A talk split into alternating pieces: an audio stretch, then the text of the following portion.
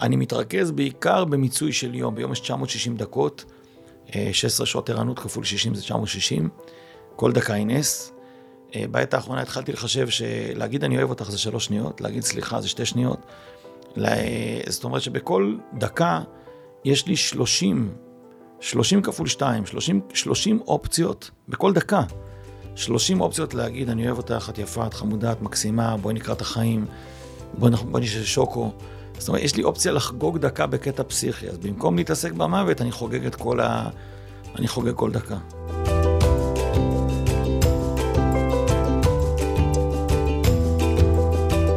שלום, אני אילנית אדמו"ר, וזה עוד פרק בפודקאסט המתחיל בתנועה, שזו תוכנית בעצם שמנסה לייצר שיח פשוט וכנה על החיבור שלנו לגוף וההתנהלות שלנו בחיים ותקשורת.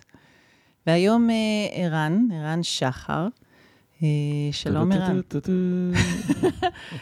שיש לו גם שם מקצועי שנקרא דוקטור התלהבות, ובעצם הוא מוביל מוביל מהפכה, אפשר להגיד, של uh, תקשורת בין אנשים. הוא עובד עם ארגונים, היה מנהל, מנכ"ל, כל מיני דברים כאלו של נוקיה ושטראוס, רשום לי פה בדף, מלא מלא דברים וארגונים חשובים וגדולים, וראה בעצם שאנשים מתחתיו uh, לא שמחים. ואז הוא יצא לעשות מעשה אמיץ שעזב את כל המקום הבטוח והסטרילי הזה, ויצא להקים חברה שבעצם המטרה שלה היא להביא התלהבות, אבל זה יותר את החיבור והשמחה ואיך מנהלים קושי, שהוא דבר כל כך נדרש, רק שבתוך השנים שלך זה הופך ונהיה מוצר יותר נדרש. אז קודם כל, ברוך הבא ושלום. תודה, תודה רבה. והדבר הראשון רגע הוא בעצם לשאול אותך, כי אחד הדברים ש, שהיה במפגש בינינו, זה היה מגניב לראות איך מישהו עושה מחקר על כל כך הרבה דברים קטנים, שכאילו נעלמים מהעין ופשוטים, שקשורים לגוף, אבל למעשה לא מדברים רק על הגוף בהקשר של, אוקיי, תיראה יותר טוב, או תהיה רק יותר אנרגטי, אלא שקשורים בעצם לנפש ולרגש ולהתנהגות שלנו, ובטח לתקשורת שלנו עם מישהו אחר. אז, אז איך זה הגיע, המקום הזה, שאתה יודע להגיד את ה... המשפט המפורסם, כתף כתף לנשום? אה, טסתי הרבה בעולם והיה לי קונקשנים בשדות תעופה, שעות, אז התבוננתי. והמון אנשים הולכים כפופים. אה, רצים, קצב הליכה מהיר ממקום למקום, כאילו שאם תעשה את זה ב-120 קמ"ש, כאילו ב-100 מטרים שם של ה connection, אז uh, אתה תציל את העולם. פלוס אתה רואה את כובד החיים שלהם על הכתפיים, והם הלכו כפופים, בדיעבד גיליתי קוראים לזה קיפוזה. שזה הגדרה רפואית לגב כפוף, רק שזה לא מגיע רק מעקמת אה, בגב, פיזיולוגי, אלא גם מה-burden of life, ממסע החיים. אתה מתבגר, החיים מאמתים אותך עם המון משקל, אתה מזניח את כתפיך כי אתה אין לך את המיינדפולנס ואת הפוקוסינג לגוף, ואתה הולך כפוף. אה, לימים גיליתי שדוקטור טלי שפיר בחיפה, עשתה ממש מחקר על הקשר שבין מצב רוח ובריאות נפשית לבין כפיפות או הזדקפות. אה, כשכמובן שאם אתה זקוף, גם בישיבה וגם בעמידה, אז חייך טובים יותר, ואם אתה כפוף, אז אה, החיים ניצחו אותך. אבל בעצם אתה, אתה, אתה לא מגיע מפרקטיקה של גוף, זה לא שאתה לא רק לא, לא מדויק, לא, לא, לא מדויק. אמ, תודה ליורם אילת, יורם אילת גידל אותי. אה, בגיל 13 גויסתי בבתי הספר למיצור קריית אונו, שהייתה אגודת כושר קרבי, אבל יורם הגיע מדיסציפלינה של וינגייט ופיזיולוגיה מאוד מאוד עמוקה, ועשה איתנו עבודת יציבה מטורפת. הוא היה חדשן, זה היה ב-82, 84, 1984, הייתה שנה כזאת פעם. וכבר אז הוא דיבר איתנו על יציבה, על פיסוק, על מודעות לכפות הרגליים, על נשימות וכך הלאה. אה, לאחר מכן שילבתי את זה עם דברים יותר הנדסיים, כמו תרשימי זרימה, וכשאתה משלב תרשימי זרימה עם מודעות פיזיולוגית, אז uh, קורים פלאים. טוב, נוצרת שיטה, אבל רגע לפני זה, שנגיע, כי באמת אחד הדברים המגניבים, זה שבעצם אתה, אתה מחבר איזושהי שפה, נקרא לה מחקרית, הייטקיסטית, כאילו של כל מיני עולמות כאלו, עם השפה שהיא של מודעות ורוחניות ובריאות ו-well awareness כזה, ביחד, תכף נגיע לזה, אבל בעצם אתה כל החיים, אם אני מבינה נכון, היית בתוך כאילו תרגול של ספורט כזה, ריצות וזה וזה כזה, אבל עדיין עבדת. מתי, כאילו עבדת ולא חיברת, מתי היה הרגע שאמרת, רגע, בעצם אני מחבר רגע, לא רק בשביל עצמי, אלא אני רוצה להנגיש את זה. זאת אומרת, הכתף כתף לנשום ולפתוח גב, הוא לא רק בואו רגע תרגישו קצת יותר בריאים או תוכלו לרוץ, לא, זה קשור לאיך מנהלים שיחה בעבודה עכשיו, ואיך אני בעצם אה, מנהל את השיח שלי עם עצמי. אז מתי היה הרגע הזה? כי הוא לא תמיד היה לך רגע כזה של חיבור.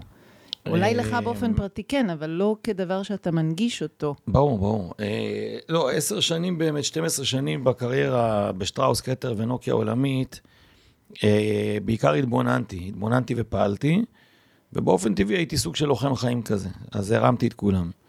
אבל היה גם מאוד משעמם, כי המוח שלי עובד ב-200 קמ"ש והוא ניזון מ-100, אז היה צריך להכיל אותו באיזה 100 שמחפשים לאכול.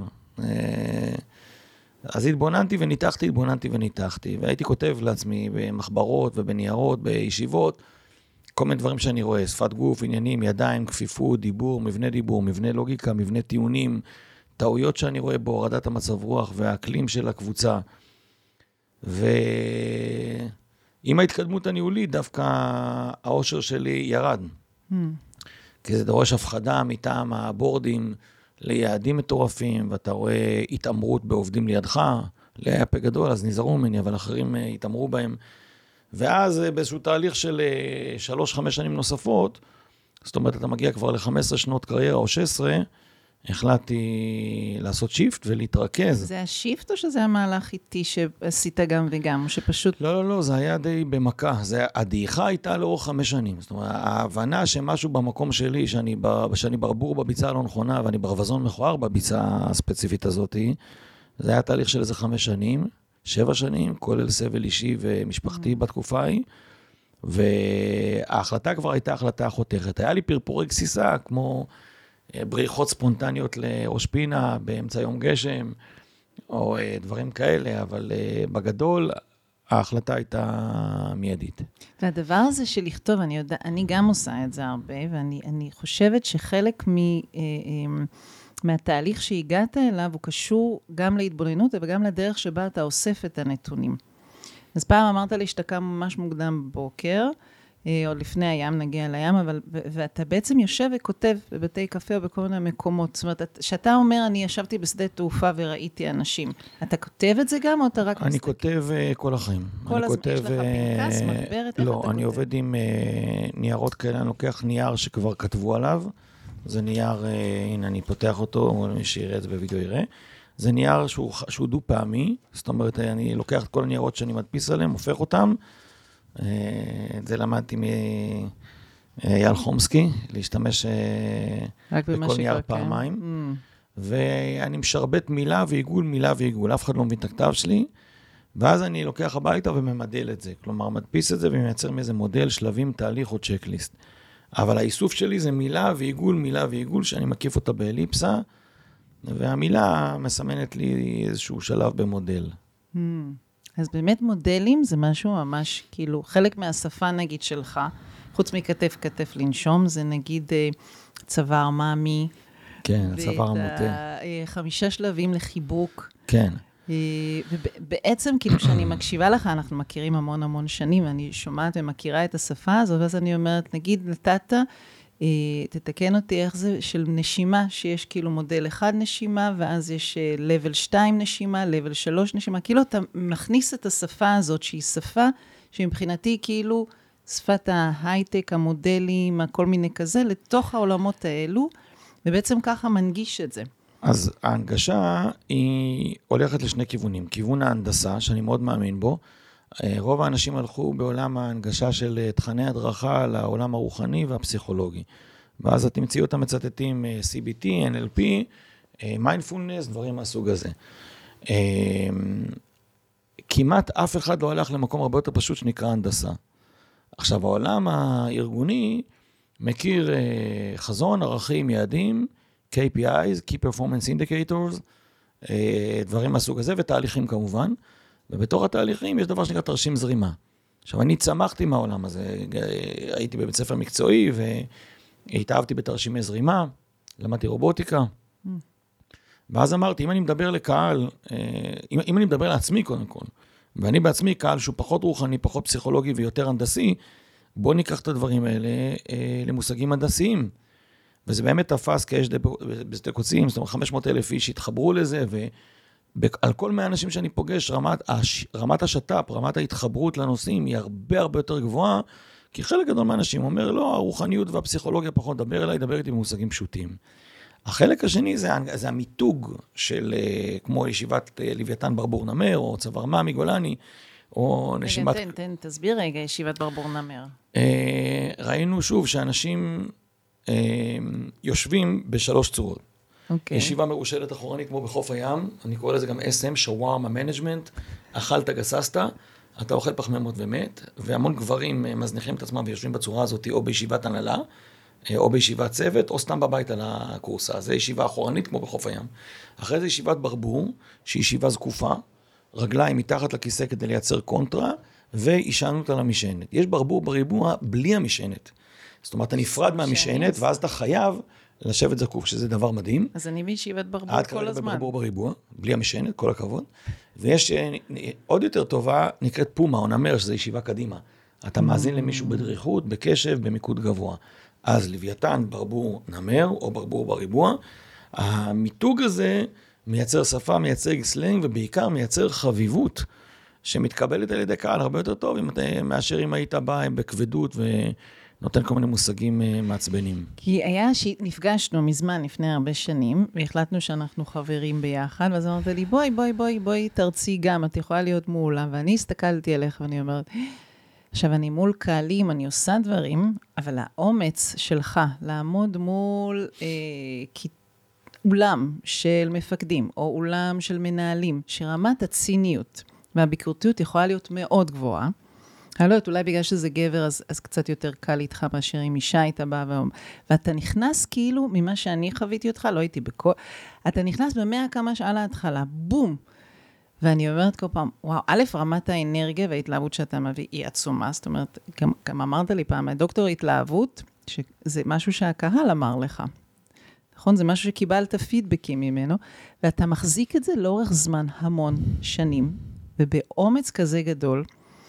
אז בעצם, רגע, מאיפה זה מגיע? מאיפה האומץ הזה להגיע ככה? קודם כל אין זמן לבזבז, ואם קיבלת חובה וזכות uh, לעבוד מול אנשים uh, במשך שעה וכל דקה ערכית, וגם משלמים לך על הדבר הזה, אז תן value על כל דקה. יש מושג שהמצאתי, value per minute. זאת אומרת, איזה, כמה ערך אתה נותן למודרך פר דקה, אז אין זמן לבזבז על small talk ושטויות ו... Mm.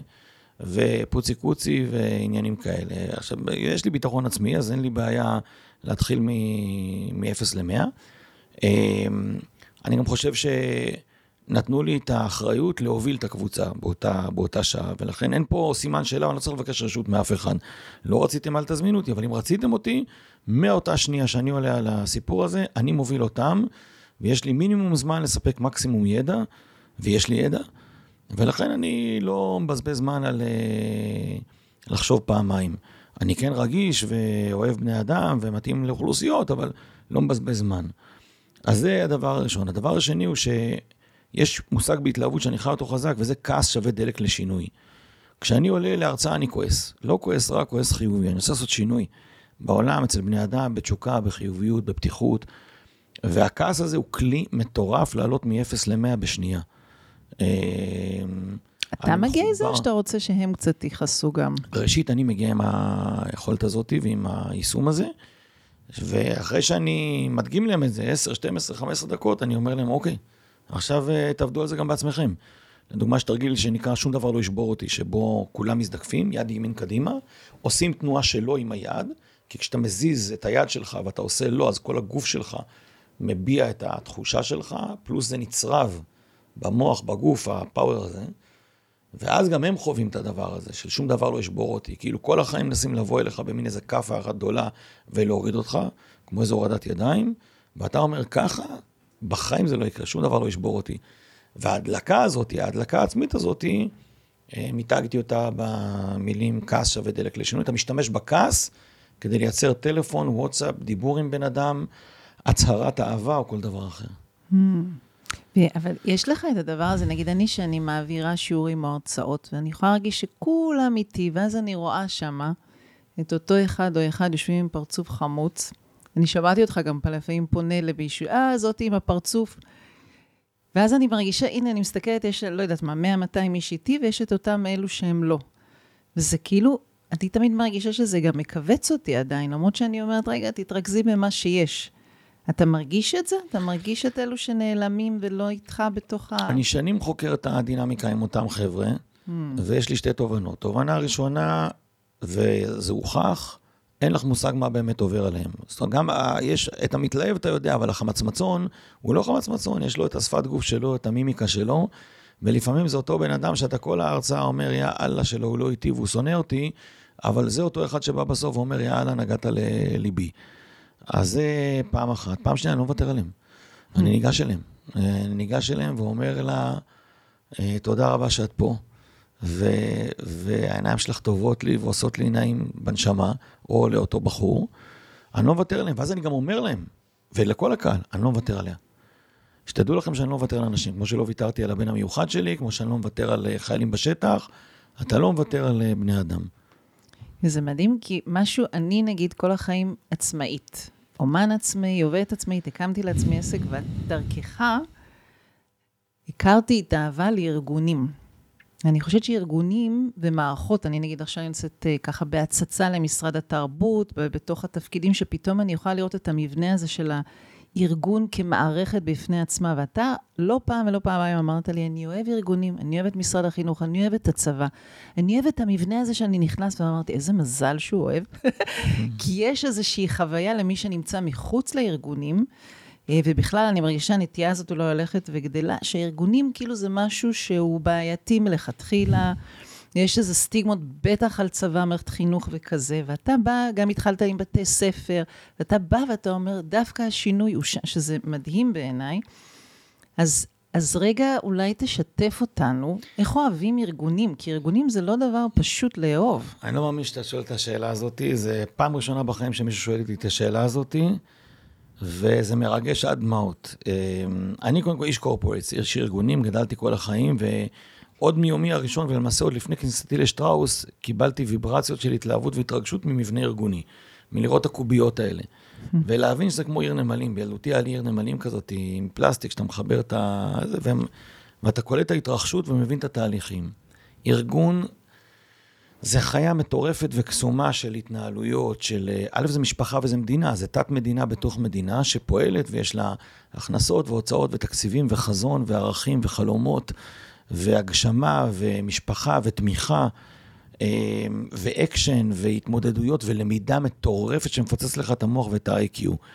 עכשיו, הבן אדם השלילי, אה, הרגיל, יסתכל ורק יראה את החרא של ארגונים, אבל זה בולשיט, לארגונים יש קסם פסיכי, הישרדות אינסופית, קיום אינסופי, רצון טוב אגב. אנשים לא יודעים שלרוב הארגונים יש רצון טוב מטורף להיטיב עם שני האנשים, גם זה שנמצא בתוך הארגון, גם עם משפחתו של זה שנמצא בתוך הארגון, וכמובן הלקוחות והספקים. כלומר, אה, אין ציניות, אף פעם אגב לא הייתה, אבל בטח שבטח בשלושים שנה האחרונות, שבו ארגון ממש שם את הלקוחות שלו, את.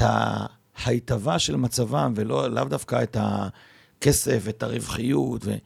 אבל אתה מבין את ההסתכלות הזאת שאומרת, בוא, אנחנו מסיימים עידן קפיטליסטי עכשיו, שכסף היה מעל הכל, וארגונים משויכים לתוך חוויה קפיטליסטית של רווחים, של ועד מנהל, או בורד, איך זה נקרא כזה, ש, כן, ש, כן. שמסתכלים על, ה...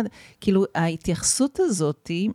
אה, לא מזמן הייתה כתבה שקראתי על זה שבעצם הרוחניות החדשה מתחילה בתוך הסיליקון וואלי, שם בתוך החברות מכניסים את הגורי, מכניסים את המורה ליוגה, מכניסים, כי מבינים ששינוי צריך לא, להתחיל. אני ממש, אני ממש לא מסכים עם זה. אני חושב שהרוחניות האמיתית מתחילה ברצפת הייצור של המחסן בשטראוס, והיא מתחילה עם קמעונאי קשה יום שאתה פוגש אותו בחמש בבוקר עם ארבעה ילדים ושותה איתו קפה שחור, והיא מתחילה באכפתיות של אה, ביטוח לאומי.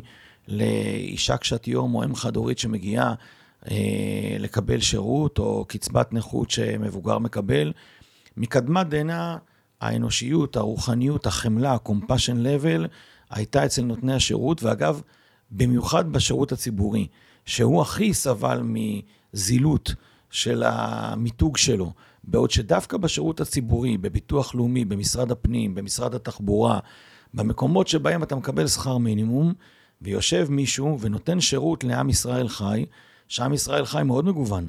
זה קשי יום, זה אנשים אה, אה, בלי כסף לפעמים, זה אנשים עם מחלות מכל מיני סוגים, ועדיין בתל השומר ובבתי החולים, ומורה וסייעת וגננת שמקבלות כסף ארור, עדיין מוצאות תעצומות נפש מטורפות לתת חמלה, רגישות, עידוד ועיניים טובות למקבלי שירות. פה נולדה הרוחניות האמיתית, וממש לא, עם כל הכבוד בהייטק, עם הגורו שמגיע לאיזה הרצאה. לא, זה, זה גם... סליחה לא, לא, לא. שהגנתי על המגזר הציבורי, שאני שרוף עליו עוד פעמיים מאשר ארגון רגיל. ואחד הדברים, אני חושבת שרוחניות, בטח בעידן החדש, היא בכל מיני אופנים. היא לא דרך אחת יותר, אה, ואפשר גם לברך על זה שההייטקים מכניסים את זה יותר, כי אנשים נמצאים שעות גם שם. אה, ומניעים גלגלים באופן אחר, אבל, אבל אחד הדברים שאני באמת הסתכלתי ב, ב, ב, ב, ממש בהערצה ובאהבה אינסופית אליך, זה שהיה הרגע שאמרת, אני נכנס לעבוד עם תיכוניסטים בבתי ספר, ואמרתי, וואו, כאילו, אני מכניס את זה לשם. ואני אשתף רגע שמתוך העבודה שלי, שכרגע לא קורית, אבל הייתה לאורך כמה שנים רבה מורקוס ואני עשינו המון פעולות בין ערבים ויהודים, בין רקדנים וקהל רחב וכזה. ואז היה רגע, אחרי צוק איתן, שאמרנו, אנחנו עוברות רק לנוער. והקמנו את הלהקה, ובעצם יש משאבים וזמן לכמה אפשר להתנדב או לעשות דברים, החלטנו שאנחנו מתמקמות אחרי 4-5 שנים רק בנוער. ושאתה כתבת ושיתפת, אני הולך לבתי ספר, אני נכנס לכיתות, אני רוצה ללמד את זה. לא רק שאתה מגיע להייטק בגיל 30 או 50, תפגוש אותי, אלא בוא תיקח את הכלים של לנהל כאב, ולנהל את הגוף שלי, ולנהל את הקושי הרב שיש בחיים בגיל הטיפש עשרה, שזה תמיד אני אומרת, נגיד עכשיו, יש לנו ילדים בערך באותו גיל, ואני אומרת, כאילו, אביב כל כך הרבה דברים לא מקבל בבית ספר, הוא מקבל מלא דברים, יש לו בית ספר נפלא, אבל, אבל נגיד איך מסתכלים על חשבון בנק, איך מנה, מסתכלים על uh, התנהלות של, של היום-יום, איך מנהלים משהו, כאילו, זה מדהים. אז בוא רגע, תס... איך הגיע הרצון להיכנס, לת... זה היה בעקבות הקורונה? לא, לא, לא, לא, אני אה, נדבקתי בחיידק החינוך לפני 18 שנים והתאהבתי בו ברמ"ח איבריי. אה, אני אוהב ילדים, אני חושב שזה גיל החוכמה 16, לא טיפש 16, חוכמה 16, הם גאונים מתוקים, חמודים, מדהימים. ואני מלמד אותם, אגב, לפני כסף וכל זה, פשוט להזדקף, לנשום, להגיד שום דבר לא ישבור אותי. אני מלמד אותם לחיות, לזכור ששוקו זה דבר מדהים, ולרקוד עם מוזיקה, ולהפסיק לחשוב על מה חושבים עליך, אלא יאללה, אודו, ככה זה אני, כמו שאני, ככה זה טוב. אז התאהבתי בהם. ואני גם לא מפחד, אמרת, ידעת את זה. אז, נכון. אז אה, ידעתי שאני נכנס לזירה לא פשוטה. לפני שבועיים עשיתי איזושהי הרצאה באורט. אז אה, היא שולחת לי אס.אם.אס אחרי זה ואומרת לי, שמע, הם לא עשו לך חיים קלים, אבל הם מאוד נהנו. כי באמת היו שם 350 חבר'ה, שכבה של י"ב, עשו לי בית ספר, הפריעו הרבה, אבל הם לא, הם לא מפריעים, הם חיים, יש להם חיות. אין ספק שזה קשה, זה למיטיבי לכת, זה ללוחמים. להצליח לעמוד מול אה, כיתה או מול שכבה ולהוביל אותה ולרתק אותה. ואתה מביא את אותם תכנים, מה, מה אתה אותם מביא? תכנים, אותם תכנים. אותם תכנים, בדיוק, ותמיד זאת הייתה הדעה שלי שגדול, קטן, צ'רקסי, רוסי, ערבי, אשכנזי, ספרדי, חילוני, דתי, אחד הם, כולנו רוצים חיבוק, כולנו רוצים שקט והתחזקות מנטלית, ואם כולם נדבר באותה שפה ומקבלים את זה מדהים. ורגע, על המקלחת בבוקר גם? בטח, בטח. חייבים לדבר על המקלחת בבוקר. בטח, בטח, נקרא שטיף כיף. אז למה מקלחת בבוקר? כי אחד הדברים החזקים, מקלחת בבוקר, אני, יש לי מלא דברים שאני עושה בבוקר. training של הבוקר שלי מאוד ארוך. את זה, אני לא עושה מקלחת. ראשית, אה, אני לא... ספר קצת, רגע. יש לי חלום לקלח את העם היהודי, אבל אני לא, לא הצלחתי ב-100 אחוז, כן, אני מניח שחמישה אחוז קילחתי, או שלושה אחוז, יש הטוענים שמפלס הכנרת ירד בגללי. אבל uh, מדובר ראשית על מקלחת קצרה, כן, שטיף כיף קצרה. רותי בכלל המציאה את זה, זוגתי, ומקלחת חמה, שלא נתבלבל, ואחרי זה כולם יתקלחו קר. כי ו... יש טרנד עכשיו של מקלחות קרח. א', דוקטור רוברט טאי הוכיח את זה כבר, mm. לדעתי ב-1970, וב', אני אוששתי את זה במחקר ב-2006, שמקלחת אה, מרעננת, מהירה, פותחת, עושה הפרדה בין קודש לחול, זאת אומרת, עושה איזה מין הפרדה של תחילת היום, ומוציאה אותך מפוקס יותר וממוקד יותר. עכשיו, נכון, זה מאמץ, כמו כל דבר. תעשה, אתה תרוויח, לא תעשה, אתה לא תרוויח. זה כמו דיאטה, כמו חיסכון, כמו עבודה, כמו כל דבר. זה דורש מאמץ. אז uh, מדובר על שבע דקות, עשר דקות. אם אתה מוותר לעצמך, אתה לא תעשה את זה, ואז תרוויח פחות התלהבות, פחות אנרגיות. שאלת מקודם, איך אתה עובר מ-0 ל-100? איך אתה אנרגטי? אני אנרגטי, כי אני משקיע באנרגיות. אני עושה ספורט, אני עושה מקלחת, אז אני חיה. ואם אתה תוותר לעצמך, אז אה, אני קורא לזה כמל, כמה אתה מוותר לעצמך. תוותר, אבל, לא אבל אחרי האפ הזה גם יש דאון, בוא, לא? יש נפילות גם, כי להחזיק כל כך הרבה, אני יודעת שאני מלמדת אין סוף, יש אנרגיות ואנשים ניתנים, אני... יש גם שאני באה הביתה ואני... זה, זה לא מרוקן, כי יש המון אה, קבלה בנתינה, כמו שאתה אומר, המרפא מתרפא בעצמו, אבל, אבל התלהבות, שזה מעניין שבחרת את המילה הזאת מכל המילים, אה, יש לה גם, גם פיק כזה של up and down. עם וללא שום קשר להתלהבות, אה, האדם מורכב מגל של מצב רוח ואנרגיות וכוח לאורך יומו. לא אני המצאתי, זה, זה מהותו של עולם. כמה גלים כאלה יש? אני מניח שפעמיים בשעה או פעם בשעה.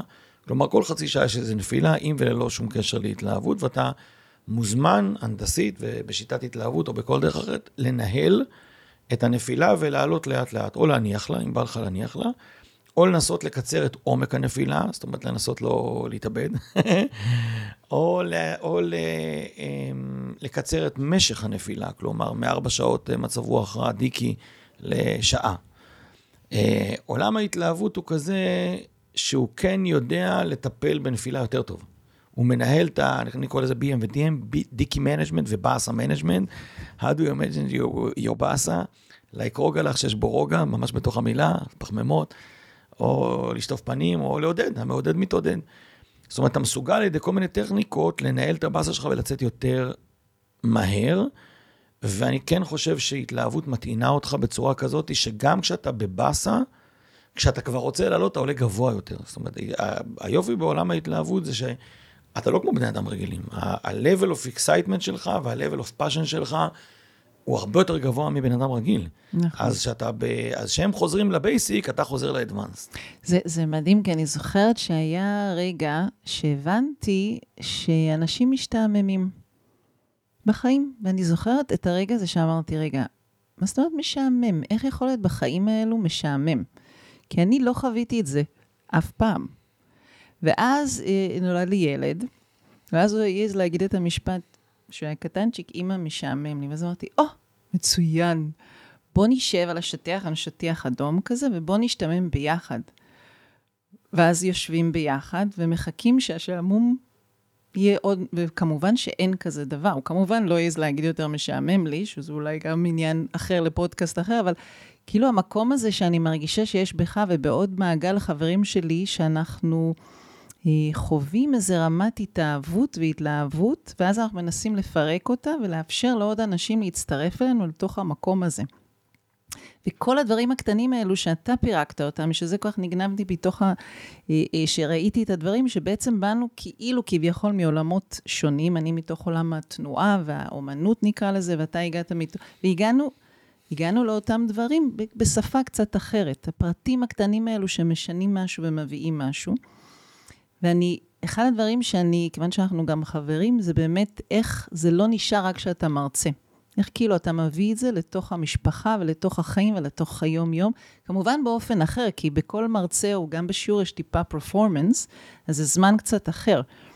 אבל באמת המקום הזה של איך בעצם אתה מצליח לשלב את זה, כמו שאמרת, יש לנו זמן מיוחד לעשות את זה, הבגדים הצבעוניים, זה לא רק שאתה עולה לבמה ו- ומרצה, המקום הזה של... בעצם איך אתה מכניס את זה, איך אתה דואג להכניס את זה גם ביום-יום שלך. אז מישהי פתרה לי את הדבר הזה לפני איזה כמה שבועות אה, בתל נוף, איזה קצינת חינוך אמרה לי, בעצם אתה מדבר על חלוקת קשב. אמרתי לה, מה זאת אומרת? אה, היא אמרה לי, אתה עושה שניים במקביל, מצד אחד אתה פועל, עושה, הולך, מרים, עושה, שולח מייל, או לא משנה מה, ובעוד קו, בעוד ערוץ, כמו ערוץ אה, מוזיקה מקביל, אתה מתלהב, וזה באמת נכון. כל היום שלי פתוחים אצלי שני ערוצים, ערוץ התפקוד וערוץ ההתלהבות. ובערוץ ההתלהבות אני סופג. סתם דוגמה, תוך כדי זה שדיברת, הסתכלתי על תווי פנייך ועל uh, תספורתך. וזה עולם ומלואו, זה עולם ומלואו של תווי פנים מעניינות בצורה בלתי רגילה, ועיניים נוצצות, ו... וצבעוניות מכל מיני סוגים וכך הלאה, ואני סופג, סופג, נושם, נושם, עולה, עולה, מתלהב. במקביל, אני מנתח, מבין, עושה לוגיקה, עונה על שאלה, אה, או חושב על או כל דבר. אז אני חושב שמדובר על חלוקת קשב, והחלטה מודעת, הנדסית, שוב, לעבוד בשני רצפים. לדעתי, מעטים האנשים שמבינים שיש פה מהפכה פסיכית של תפקוד בשני רצפים, ולו אנשים היו עושים את זה, וחיים בשני רצפים, בשני ערוצים, ומגנים, עושים דיפנס על ערוץ ההתלהבות והתשוקה, במקביל לעשייתם חייהם היו מונים משתפרים, ולצערי, בגלל שלא עושים את זה, רוב האנשים חיים חיי עבדות, חיי אוטומט, חיי רובוטיקה, חיי ציפרלקס בעקבות הדבר הזה, ובעיקר קצת עצובים, שהם אה, לא חיים. Hmm. אז בעצם אפשר להגיד שהחזון שלך הוא עוד ועוד להביא אנשים להתעורר מתוך האוטומטיות הזאתי? תראי, אני את החזון הזה עזבתי. עזבת. אה, עזבתי. אני ניסיתי להציל את העולם, במרכאות, ובכל דרך אפשרית אה, להגיד לכולם, תתעוררו, מדובר פה בפנצילין ואנטיביוטיקה ומהפכה. ופרופסור נוח הררי אה, אמר את זה, שמודעות זה העתיד, ודוד פסיג העתידן אמר זה העתיד, וכולם אומרים אה, בסתר ליבם, או בדפי העט, על גלי האתר, שבמאה השנה הקרובות התנהגות ומודעות, awareness, זה מהפכה שפי מיליון יותר חשובה מה-AI ומ-GPT וכל השטויות האלה, אבל אף אחד לא מתעורר, ועדיין אנשים... במדדים האמיתיים של האנושות אנחנו בירידה, זאת אומרת ציפרלקס בעלייה, אלכוהול, התמכרויות, וויד בעלייה, אחוז הגירושים בעלייה מ-38 ל-45 אחוז, השמנה בעלייה, זאת אומרת בכל המדדים האנושיים אנחנו הורגים יותר אה, לצערי, או ממשיכים להרוג אחד את השני, מדינות ולאומים ועדות.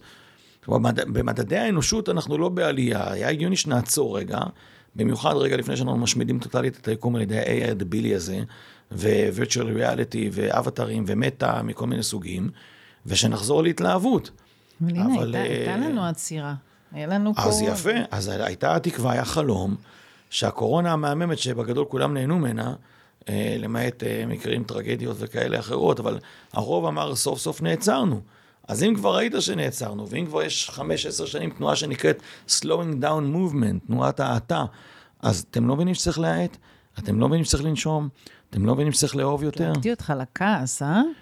תשמעי, זה יותר, בא לי לבכות. אני אומר לך, דוגרי, אני פעם שלוש, ארבע ביום, א', אני בודד בגישה הזאת, בתפיסה הזאת, אין לי מי לחלוק את התפיסה הזאת יותר מדי. דבר שני, אני, אז, אז זה כמו שאתה רואה שמשהו חולה ואתה לא מצליח אה, להעיר את האנשים להתעורר ממנו. ואם זה, אני, אני מסכימה איתך, ועם זאת יש משהו שכן מרגיש לי של התעוררות, היא אולי לא במספרים או לא במעגלים ה... המיידיים שרואים, אבל כן משהו השתנה, ואני חושבת שחלק מהתהליך, כמו שאני רואה את זה, ואני מארגנת את זה לעצמי, שהעובדה שיש עוד חולי ועוד את כל ההתמכרויות האלו, היא, היא, היא אולי לא בעלייה כמו שאנחנו יותר מודעים ורואים. משהו מתגלה בתקופה הזאת. אנחנו רואים יותר ויותר את הכאב, מסכימים לה, להודות בכישלונות, אה, בין אם בפומבי או בין אם רק פרטי לעצמנו, מרגישים שמשהו לא עובד, עדיין אנחנו לא בתהליך של אין יט ומה עושים. אבל הרי עצם ההסתכלות וההסכמה לראות שהמערכות השלטוניות מורכבות, לא משנה מה, אני לא נכנס בכלל, על, כי אנחנו עוד רחוקים מהפתרון, אבל חלק מתהליך ריפוי הוא רגע בדיוק את מה שאמרת, לראות את הכאב, את הקושי, את מה שלא מסתדר לנו, את מה שאולי עשינו הרבה זמן על אוטומט כיקום, כאנושות, ואולי צריך לחשב את צעדינו שוב, אבל אני מרגישה שהירידה הזאת שמתאר היא, היא לצורך עלייה. לצורך מין איתחול מחדש אנושי כזה, הוא כואב, הוא ארוך, הוא, לא יודעת אם נזכה לראות אותו עוד כן, ואין ספק שחלק מהרצון לפודקאסט הזה ולעשייה שלך ושלי בעולם, היא כי באמת התשובה, כמו שחכמים איתנו, פרופסור יובל נוחרי אומר, רגע, אם לא נקשיב ונלמד עוד להתחבר, אז אנחנו עוד ועוד, הכאוס והכאב עוד יגבר. מצד שני, אם כן נוכל, נוכל לנהל את זה באיזשהו אופן, ואני חושבת שכאילו אחד הדברים שמאוד מאוד, גם זה לא קורה כרגע ברעיון, אבל אחד הדברים שקורים אצלך מלא, כשאנחנו נפגשים, זה שיש לכאב, לכעס ולצחוקים את אותו מקום כמעט, גם בהרצאות, גם במפגשים. כאילו יש לכל הדברים האלו את המקום, וגם זה אחד הדברים שנפלאים אצלך, שאם לא באמת כועסים וכואבים ובוכים, לא תמיד גם אפשר ממש לצחוק. זה, זה איזה מנעד כזה ש, שלא חייבים דווקא לכעוס בכוח, אבל אם הרגש עולה, לתת לו מקום. לא חייבים לבכות בכוח, אבל אם הכאב עולה, לתת לו מקום, ואז גם מתפנה מקום לצחוק. אמרת את זה מאוד יפה. אמ, אני מחובר למילה פריקה וונטילציה הרבה מאוד שנים, אבל עם השנים התחברתי יותר למילה אותנטיות. ועם השנים גם הבנתי שאין מקומות פריקה. כלומר, הפסיכולוג, הרבה מאוד פעמים זה לא ספה שבה אתה יכול לקלל ולהגיד פשוט, אה, חרא לי, שונא את העולם, בא לי למות. בטח שלא בבית ספר אצל היועצת, זה קשה מאוד להגיד את הדברים האלה, זה אפשרי, אבל זה קשה. וגם בבית קשה להגיד, אתה מפחד להגיד לפעמים כל מיני דברים, ובטח שבטח בעבודה. ומפה, מתוך הפחד, מתוך ההבנה שכולנו סגורים כל הזמן, אמרתי, יש כמה דברים שזה החלום שלי שאנשים יגידו. אחד, לבד לי, שתגיד את זה חופשי, אתה מרגיש לבד, אני אומר את זה המון. חרא לי, חרא לך תגיד חרא לי, לעצמך קודם כל ואחרי זה לסביבה. שונא את העולם, זה בסדר, זה לגיטימי, אתה נשוי, אז ברור שאתה סתם, סתם, סתם, סתם אותי, אני אוהב אותך. אתה בזוגיות מדהימה. לא, לא, אני אוהב אותה מאוד, אה, כשהיא איתי. אה, היא מורה ויועצת, אז היא זמינה לי באופן אה, חלקי. כן. כן. וגם בא לי למות, שזה כאילו אחד מה... הדבר הכי נורא שאתה יכול להגיד, בא לי למות, כשלדעת, אני יודע שאנשים, בא להם למות מלא. אה, ושאני אוכל להגיד את זה, שאני לא אצטרך בחדרי חדרים עם עצמי להיות תקוע עם המילים, בא לי למות, שונא, בטח שבא לי למות. אני רוצה פחמימות ואני לא יכול לאפשר לעצמי באותה מידה. אז ברור שאני שונא את היקום הזה, אבל אני יכול גם לצאת מזה. זאת אומרת, ככל שאתה שם את זה יותר על השולחן, יש זירה פתוחה לדיון, לדיבור, לחיוך, לחיבוק. ההתאוששות, ההתאוששות, וזה בעצם הפרקטיס שאנחנו עושים. אה, אני מרגישה, ונגיד דרך העבודה שלי בגוף, או דרך המקום שלך, של להגיד, דווקא המקומות שאנחנו לא באיזה שיא, בקרייסס, שם תתרגלו. תעשו את המקלחת, אתה עושה את הספורט, את הכתיבה, את, ה, את כל הדברים האלו. אל תסתיר לנו את המצלמה השנייה. השקעתי מלא בשתי מצלמות, בוא נע. איזה מנהיגות איתי, נכון? אתם, שומעים כאילו, כאילו, לכם נכון. השומעים זה נראה כאילו הכל מתנהל על מישרין וזה. לא, דווקא היינו מאוד רשמיים עד עכשיו. אני אומר לכם שיש לה מנהיגות שאני מפחד ממנה. כן, זה קצת אני מפחידה, אני משתדלת להתרכך עם השלי, אבל... עכשיו איבדתי את הקו מחשבה, אתה רואה? אז קודם כל, את אשת טיול, לא את playfulness. כי היו שני דברים, אחד נורא מסקרן אותי לדבר על מוות. בהרצאות שלך אתה אה. מתחיל ואומר, תראו, נשארו לנו, אם אתם בני 50, נשארו כך וכך, אני לא זוכרת את המספר. 12,000, 40 על 300. 12,000, ומוות בשבילי הוא, הוא דבר נוכח וקיים מרגע שהייתי קטנה.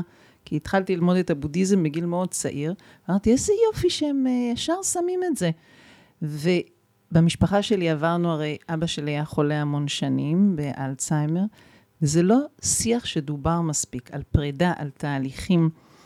וכל פעם שאני מביאה את זה בתוך ה... די, כבר הבן זוג שלי, אבישי, התרגל לזה, שאני אומרת, רגע, אבל אני, אני רוצה שהשיח הזה יהיה, כמו שאתה אומר, בוא נגיד שמותר להגיד לבד, מותר, לה, מותר להגיד מוות, ול, ולה, ולהתעסק איתו, ול, ולחשוב עליו, ולהיות לא במקום של בא לי למות עכשיו, אבל כשזה יהיה, I'm ready. אני מרגישה שהמון מתוך העבודה שלי היא להיות מוכנה ל...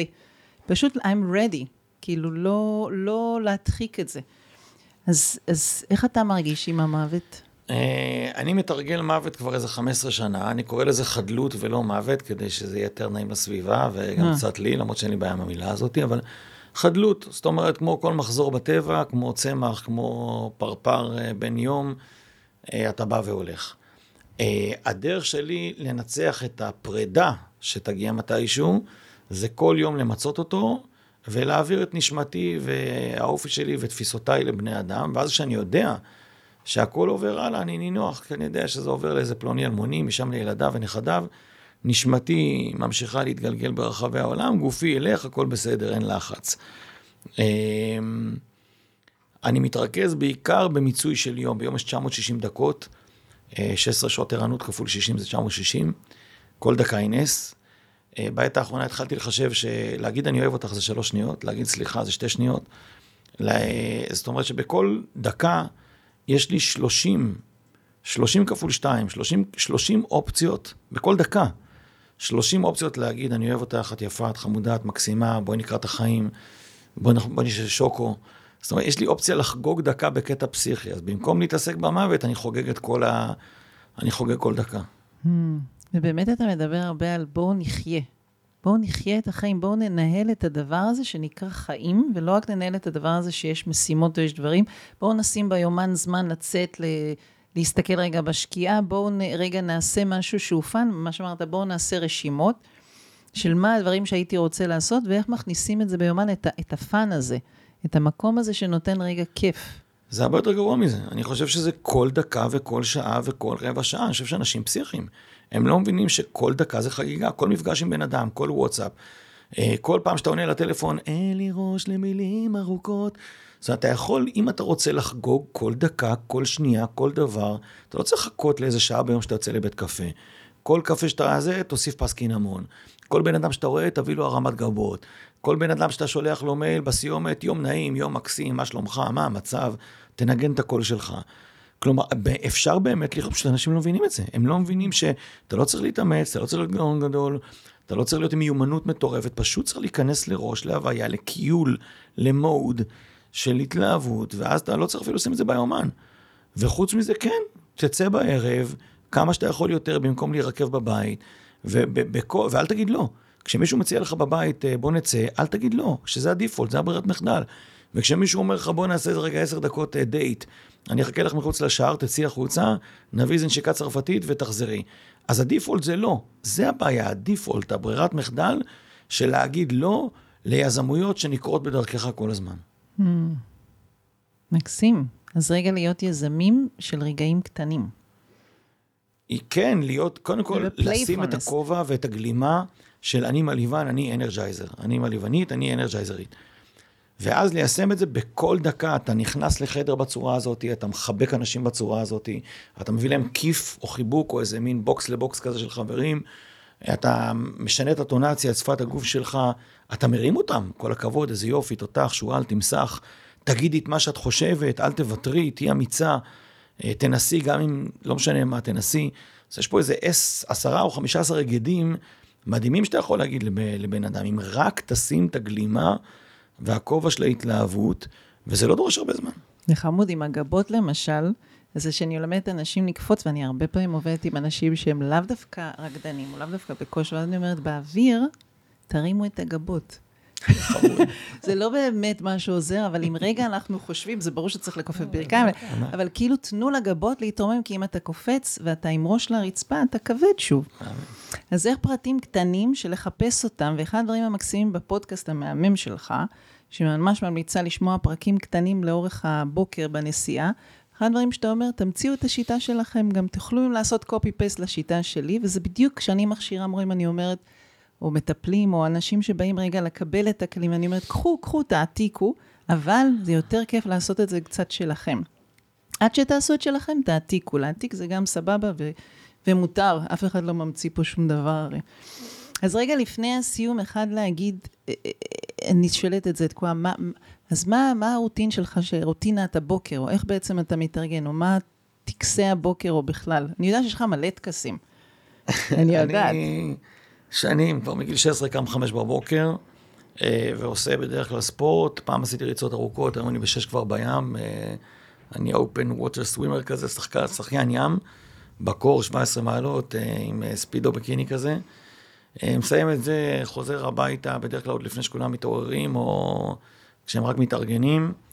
יורד עם הכלב, עושה מקלחת, לובש ביגוד צבעוני, ואז יוצא לקפה הראשון של היום. אני מקפיד להתחיל את העבודה שלי בניתוח, באנליזה, בחשיבה, באסטרטגיה, בחשיבה, בפיתוח, בחדשנות. עם... עם דף, עם דף ומילים אה, כאלה, כמו שאמרתי. ואז uh, מתחיל לנסוע ברחבי הארץ, כי כשאתה עושה שתיים, שלוש הרצאות, זה חמש-שש שעות נהיגה. ההגעה ליעד היא חלק מהמשימה. אז אני נוסע הרבה באוטו, שוב פעם חושב, קצת עונה לטלפונים, קצת שר, קצת אומצה אומצה. כן, כן, כל הזמן, ואז חוזר הביתה, ו... אה, לפעמים אני בין לבין אה, מאכיל את, הבת, מאכיל את האישה, מאכיל את כולם, וחוזר הביתה ומוריד גז.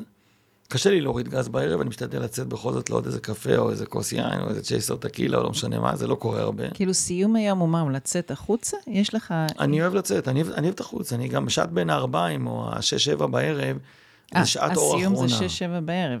אני מסיים מוקדם, אני מסיים... אתה הולך לישון מוקדם? חצי מהשבוע שלי אני עובד ערבים, אז אני מסיים ב-11 בלילה, או 10 בלילה. ואז אתה קם גם ב-5 בבוקר? כן, כן, כן. אבל בחצי השני, שאני לא עובד לילה, אני אוהב את האור. אני משתדל להיות בחוץ באור, עוד איזה שעה, עוד איזה בית קפה כזה קצר, ולחזור הביתה לדעיכה של בין שבע עד תשע בערב. ואיך הגעת? הרי היית רץ, איך זה פתאום הפך לך, או לא פתאום לשחייה? כאילו, מה זה אני היה? מאוד אוהב את הריצה, אבל אה, ראיתי חמישה משוגעים בחורף אה, קופצים באילת למים, הופנטתי, נעצרתי, אמרתי לרותי, אני הולך לעשות את זה. ואיך עשית? אה, איך, איך מתחיל? נגיד, אני רוצה להתחיל, איך עושים עושים? TI או West, או בעולם המים West זה נקרא, או TI אצל גדי, הוא המציא את זה, הוא המציא את זה בישראל. זה שתי שיטות שמאפשרות להגיע לקילומטר, קילומטר וחצי שחייה בבריכה די מהר, עשרה שיעורים. בעוד איזה חצי שנה אתה מגיע לקילומטר, קילומטר וחצי. ואז אתה חייב אה, להיות קצת מחושל ולתת לעצמך הסתגלות, אה, ליהנות לרקוד בים, כי הים מחייב נשימה, מחייב חישול, מחייב, מחייב רוגע. once ניצחת את הדבר הזה, אחרי חודש, חודשיים, דרכך הספוקה בשושנים, ואתה כבר בנוי לשתיים, שתיים וחצי, שלושה קילומטר או עשרים אה, של שחייה בים, שזו המתנה הכי מטורפת שאי פעם בן אדם יכול לתת לעצמו, לדעתי, בעולם הפיתוח האישי. כי זה מדיטציה, זה חישול, זה אהבה, זה קבוצות. קבוצות השחיינים זה עם מהמם. אה, אם את מחפשת חתן, אגב, אם את שמה במאזינים ואת מחפשת חתן, אני אומר לך שבקבוצות השחיינים את תמצאי, לדעתי, את השווים. או בסיסקו. ערן יקר, תודה. תודה לך שבאת וששיתפת הכל, ושאני רוצה לאחל שתמשיך עם, ה... עם ההתלהבות ועם השמחה ועם האהבה הגדולה שלך לאנשים, לארגונים, למדינה, למשפחה, לחברים. אתה בן אדם שנותן מלא מלא מלא. תודה לך, אגב. אה, אנחנו כבר הרבה שנים ביחד, את ממציאה את עצמך מחדש בקטע פסיכי כל הזמן. את כמו לוחמת אור, שכל פעם לוקחת עוד מתודה, עוד שיטה, עוד דרך, אה, ולא משנה אם זה בלוונטין או פה בפודקאסט. אני מעריץ, מעריץ את הפאוור שלך, את המוכנות שלך לקפוץ למים קרים חדשים כל פעם. שאפו גדול. אולי אני גם אעז להגיע לים. תודה רבה, ערן. תודה.